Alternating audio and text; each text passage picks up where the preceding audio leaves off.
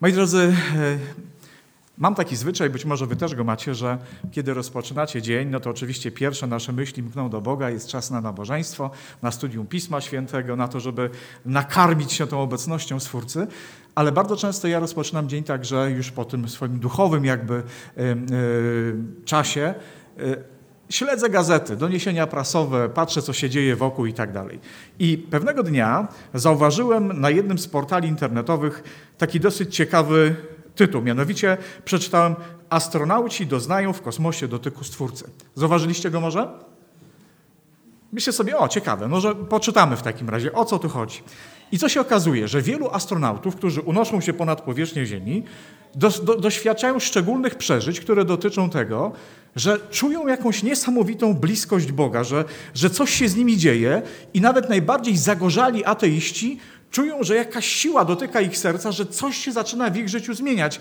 Nazywają to właśnie e, w sposób taki enigmatyczny dotykiem Boga. Niektórzy z nich mówią tak. Zobaczyłem, jak piękna jest nasza planeta. Tak to są słowa Gagarina, tak przy okazji. Ludzie, chrońmy ją, pomnażajmy jej piękno, nie pozwólmy jej zniszczyć. Jurij Gagarin, radziecki astronauta, który mógł spojrzeć przez iluminatory swojego statku na naszą planetę. Inny amerykański y, y, astronauta mówił o pewnej duchowej euforii. Powiedział: Zaczynasz zdawać sobie sprawę z tego, że ty i wszystko wokół ciebie to jedność. Prowadzi to do wielkiej zmiany, do przenika cię to. Co to wszystko znaczy? Kim jestem? Czy nadal jestem sobą, czy już raczej jestem wszystkim? Ta perspektywa patrzenia na Ziemię z kosmosu coś niesamowitego czyni w umysłach y, astronautów. Kolejny z nich powiedział: Czułem, że poruszam się po płaskowyżu w kosmosie, gdzie pozwoliły mi dotrzeć nauka i technika. Zdam sobie sprawę jednak, że istnieje ktoś ważniejszy, ktoś, o kim technika, nauka nie potrafią mówić. Istnieje ktoś potężniejszy niż ty i ja, w sensie duchowym, nie religijnym. Musi istnieć jakiś stwórca kosmosu, który stoi ponad religiami, jakie są dziełem ludzi. I wielu z nich mówi właśnie o takich głębokich doznaniach. Uświadomiłem sobie, mówi kolejny, że cząsteczki w moim ciele i elementy składowe statku zbudowane są z materii pochodzącej z jakiejś dawnej generacji gwiazd. Niektórzy z nich, wracając na Ziemię, szukają duchowości. Jeden z nich zaczął poszukiwać Arki Przymierza, Arki Noego. E, inni z kolei mówią o tym, że ich życie duchowe zupełnie doznało jakiejś niesamowitej wolty i zaczynają zadawać sobie pytania na temat swojego istnienia, na temat tego, po co są w ogóle na tej ziemi, co się na tej ziemi powinno wydarzyć. Dotek Stwórcy. Powiedzcie mi, czy wy lubicie być dotykani? Lubicie być dotykani, tak? Zależy przez kogo. To jest niezwykle ważne, prawda? Bo inaczej czujemy się, kiedy wdrapuje nam się na kolana dziecko, ogarnia nas za szyję, gładzi nasze włosy, dotyka palcem oczu. To jest zupełnie inny rodzaj dotyku. Ale jest taki dotyk, którego nie chcemy, nie życzymy sobie, który jest wyrazem naruszenia naszej przestrzeni. I nawet mówi się o złym dotyku, prawda? Czy lubimy być dotykani przez Boga? Zwróćcie uwagę, że nasze dłonie są pewnym narzędziem, które pozna, pozwala nam poznawać wszechświat. Dłońmi dotykamy i, i receptory, które są umiejscowione na naszym palcu, a na jednym centymetrze kwadratowym jest ich około 2,5 tysiąca, pozwalają określić nam takie informacje jak e, struktura powierzchni, temperatura, wilgotność, e, wibracje itd., tak itd. Tak Wyobraźcie sobie, że swoimi dłońmi potrafimy wyczuć nierówność rzędu E, już nie chcę skłamać, 3 mikrometrów. 3 mikrometrów. W czasie, gdy włos człowieka to jest około 50 do 100 mikrometrów. A my przesuwając opuszką palca wyczuwamy nierówność rzędu 3 mikrometrów. Ale mówią naukowcy, jeśli używamy większej powierzchni palców, to jesteśmy w stanie wyczuć nierówność e, rzędu 75 nanometrów a nanometr jest to jedna tysiączna mikrometra. To już w ogóle się pogubiliśmy. Dłonie są niesamowitym receptorem. Potrafimy dotykając tak wiele się dowiedzieć o świecie, który nas otacza. struktura danego materiału, temperatura, wilgotność, drgania, nacisk, ból, to wszystko potrafią wyczuć nasze dłonie. A więc, moi drodzy, jesteśmy w pewnym sensie stworzeni do tego, żeby dotykać, żeby te nasze dłonie poznawały rzeczywistość, która nas otacza. A co dopiero, kiedy Bóg dotyka nas. Ja bardzo lubię sięgać do pierwszych rozdziałów Biblii, bo tam mamy początek. Początek tego, co nas dotyczy. I co widzimy, moi drodzy, kiedy otwieramy pierwszy rozdział Biblii, a dokładnie e, rozdział drugi? Czytamy, że kiedy Pan Bóg nas stwarzał, to co zrobił? Jeśli tak można powiedzieć po ludzku. Przyklęknął na ziemi, tak? Uformował człowieka swoimi dłońmi, nadał mu kształt, a potem tchnął w jego nozdrza dech życia. Nie ma się co dziwić, że psalmista w psalmie 139 mówi Panie, utkałeś mnie w łonie mojej matki. Dziękuję Ci za to, że mnie cudownie stworzyłeś. Godne podziwu są Twoje dzieła i dobrze znasz moją duszę. Jest to fragment psalmu 139. Naukowcy mówią o tym, że jesteśmy stworzeni nie tylko po to, żeby dotykać, ale po to, żebyśmy byli dotykani. Jak donosi pewien niemiecki periodyk naukowy, ludzie zostali obdarzeni specjalnym systemem nerwowym pozwalającym odczuwać miłość i tkliwość. Szwedzcy naukowcy odkryli, że pewna kobieta, która utraciła e, główne receptory dotyku, nadal odczuwała przyjemność, kiedy była delikatnie dotykana miękkim pędzelkiem a więc jej główny system nerwowy y, został uszkodzony, nie, nie odczuwała bodźców, nie odbierała ich, nie potrafiła dotykać, czuć, ale istniał jakiś inny system, który dostarczał jej nadal informacji. Uczeni stwierdzili, że odczucie to wywołała druga sieć nerwów w skórze, pozwalająca, składająca się z wolno przewodzących włókien czuciowych typu C. Sieć ta reaguje tylko na delikatny dotyk i pobudza obszary mózgu odpowiedzialny za emocje.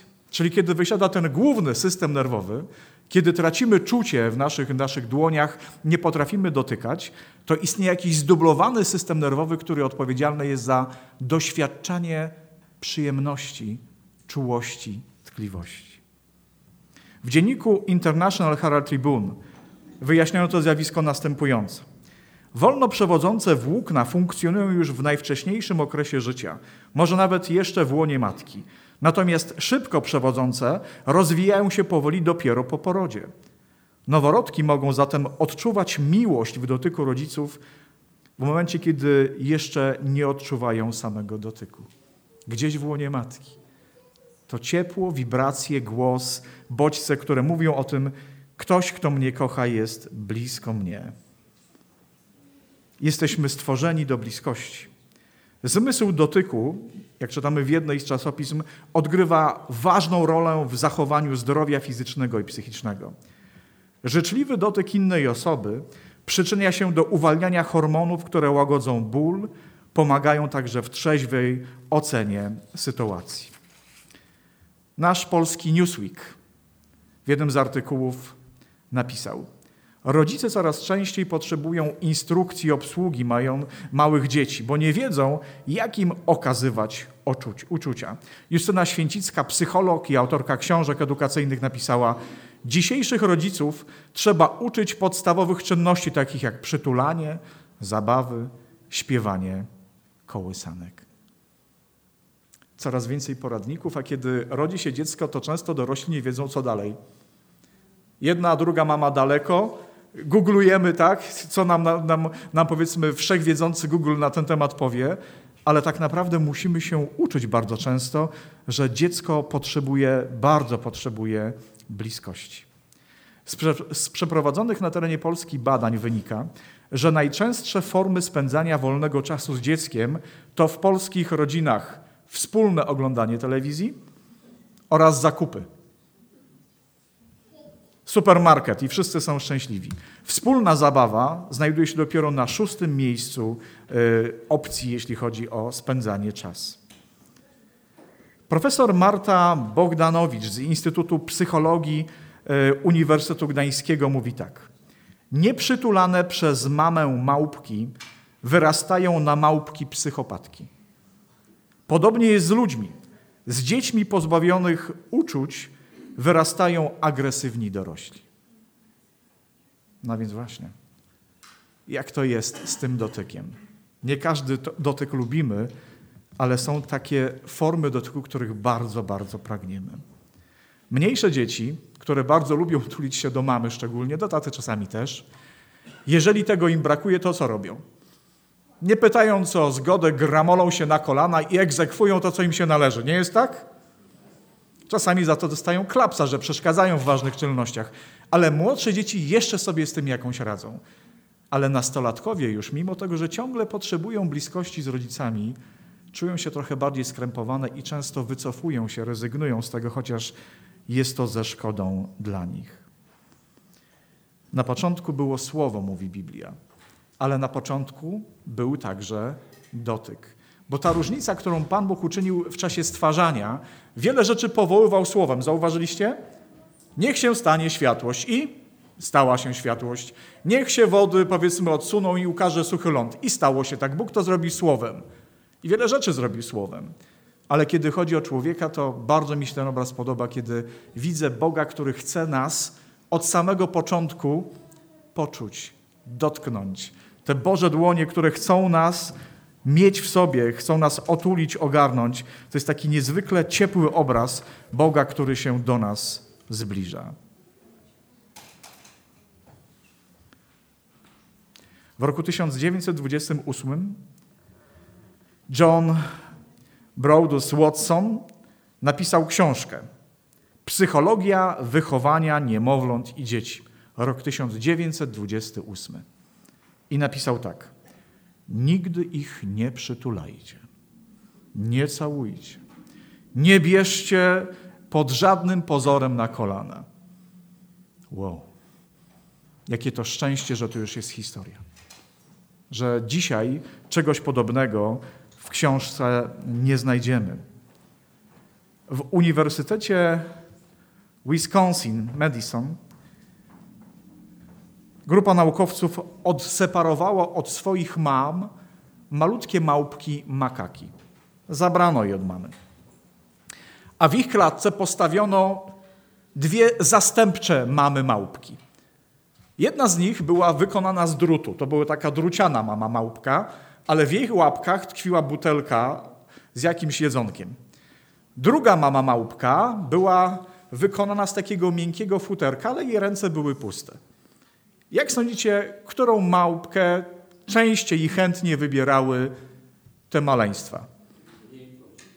Miękką, tak. Mimo tego, że nie miała nic, ale można było się do niej przytulić. To są tylko małpki, powiemy. Ale czy to nie jest tak, że kiedy przychodzimy na świat, nie wiem jak daleko sięgamy swoimi wspomnieniami, ja pamiętam, kiedy zasypiałem jako mało dziecko, to się kuliłem w taki kłębuszek, otulałem się kołdrą, czasami nawet głowy nie wystawiałem poza, poza kołdrę i w, taki, taki, w takim kłębuszku zasypiałem. To była moja ulubiona e, pozycja w czasie snu. Potrzeba bezpieczeństwa, takiej czułości, ciepła jest czymś niezwykłym. W, roku, w wieku XX prowadzono obserwacje dzieci, które były wychowywane w sierocińcach. Pokazały te badania, że dotyk jest niezwykle ważny, wręcz niezbędny dla rozwoju młodych ludzi. Pewien eksperyment pokazał, że tak naprawdę jest. Grupka dzieci bez rodziców wychowywała się w domu prowadzonym przez siostry zakonne. Był to dom dziecka naprawdę na bardzo wysokim poziomie. A więc dzieci miały wszystko. Miały wygodne łóżka, miały sporo zabawek, było czysto, schludnie, dobre posiłki.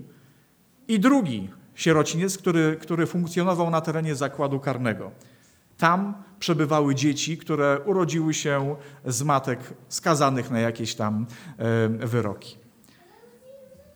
Było tam o wiele gorzej, o wiele bardziej obskurnie, e, gorsze jedzenie, no wszystko było gorsze. Tylko tyle, że dostęp do mamy był w miarę swobodny. Wyobraźcie sobie, że w tym dobrze funkcjonującym domu dla dzieci prowadzonym przez siostry zakonne umierało co trzecie dziecko. To jest niesamowite. Było wszystko oprócz bliskości i miłości. Było wszystko. Okaż dziecku trochę miłości, a otrzymasz w zamian znacznie więcej, pisał John Ruskin, angielski pisarz i krytyk literacki. Potrzebujemy dotyku jak światła słonecznego, jak wody, jak jedzenia. E, to jest fragment jednego z artykułów, który ukazał się na łamach tygodnika Polityka. Potrzebujemy wszyscy dotyku, a w szczególności potrzebują tego dzieci. W Ewangelii Jana w 13 rozdziale jest taki fragment, który dzisiaj może być, e, może się wydawać bulwersującym. Jest to fragment, który opisuje ostatnią wieczerzę. Jezus doznał głębokiego wzruszenia i tak oświadczył. Zaprawdę, zaprawdę powiadam wam, jeden z was mnie zdradzi. Spoglądali uczniowie jeden na drugiego, niepewni, o kim mówi. Jeden z uczniów jego, ten, którego Jezus miłował, spoczywał na jego piersi.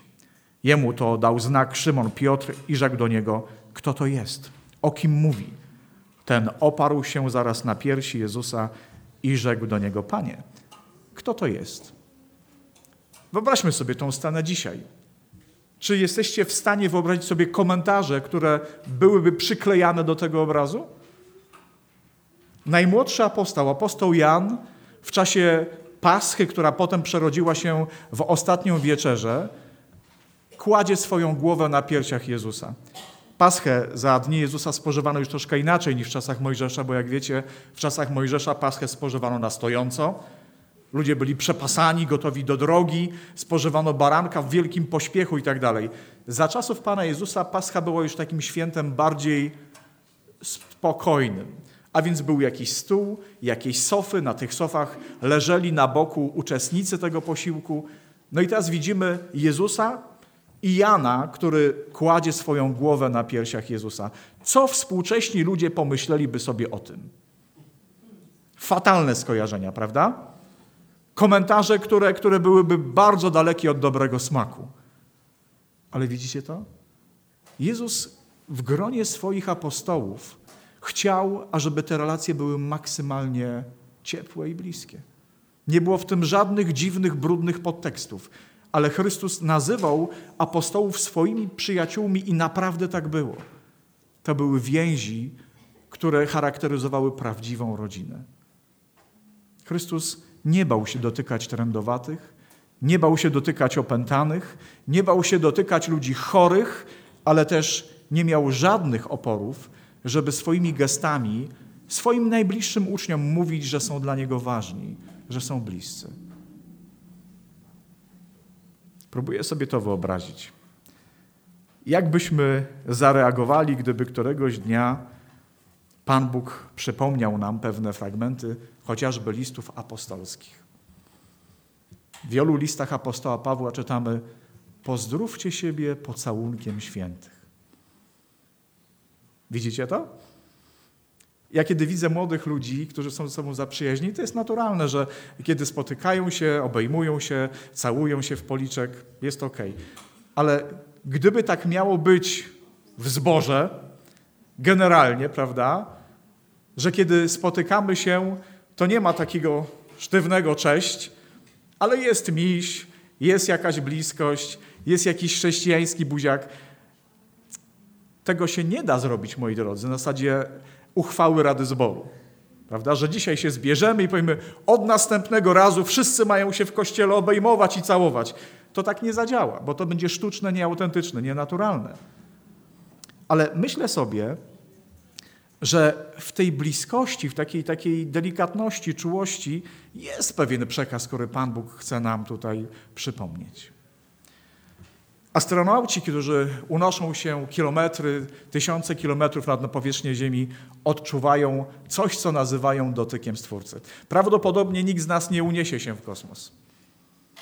Nie ma szans, żebyśmy polecieli gdzieś tam, prawda, i spojrzeli na Ziemię, przynajmniej jak na razie, z perspektywy nieba. Chcemy, wybieramy się. Ale moi drodzy, czy po to, żeby doświadczyć dotyku Boga, musimy się faktycznie wzbijać gdzieś w przestworza? Czy możemy czuć się dotknięci przez Boga tu i teraz? Moi drodzy, Pan Bóg ma dłonie, ma palce. E, o tym mówi wyraźnie Biblia. W drugiej księdze Mojżeszowej, w ósmym rozdziale, wiersz 18-19 mówi tak. Czarownicy próbowali uczynić to samo swoimi czarami, by sprowadzić komary, lecz nie potrafili. I były komary na ludziach, na bydle. Wtedy rzekli czarownicy do faraona: W tym jest palec Boży. 31 rozdział drugiej księgi Mojżeszowej, wiersz 18. Gdy Jachwę skończył rozmawiać z Mojżeszem na górze Synaj, dał mu dwie tablice świadectwa, tablice kamienne, napisane palcem Bożym. Ewangelia Łukasza, rozdział 11, wiersz 20. Jezus rozmawia ze swoimi przeciwnikami, którzy zarzucają mu to, że, że jest ogarnięty przez demona. Co mówi Jezus? Jeżeli ja palcem Bożym wyrzucam złe duchy, to istotnie przyszło już do was Królestwo Boże. Palec Boży, który objawił się w plagach egipskich, palec Boży, który wyrył przykazania na kamiennych tablicach, palec Boży, którym Chrystus wypędzał demony. O co chodzi? O co chodzi? Co to jest ten palec Boży? Ewangelista Mateusz opisuje dokładnie to, co opisywał ewangelista Łukasz. Łukasz mówi, jeżeli ja palcem Bożym wyrzucam demony, to istotnie przyszło do was Królestwo Boże. Ale Mateusz mówi o tej samej historii troszeczkę inaczej ją opisując. Posłuchajcie. Lecz jeśli ja mocą Ducha Bożego wyrzucam złe duchy, to istotnie przyszło do was Królestwo Boże. Palec Boży? Duch Święty. Lubicie być dotykani? Zależy przez kogo mówicie. Zgoda. Przez tych, których kochacie i którzy was kochają? Tak, bo ten dotyk jest wyrazem miłości. Czy lubicie być dotykani przez Boga? Czasami mówimy, Panie Boże, przyjdź, ogarnij mnie. Mówimy o napełnieniu Duchu, Duchem Świętym, o chrzcie Duchem Świętym. Mówimy o stąpieniu Ducha Świętego. Ale przecież kiedy Pan Bóg dotyka nas swoim duchem, naszego serca, kiedy prowadzi nas do Biblii, kiedy prowadzi do Chrystusa, kiedy prowadzi do zbawienia, to jest właśnie ten dotyk. Kosmonauci mówią: Bóg nas dotknął. A my, chrześcijanie, możemy tylko zazdrościć?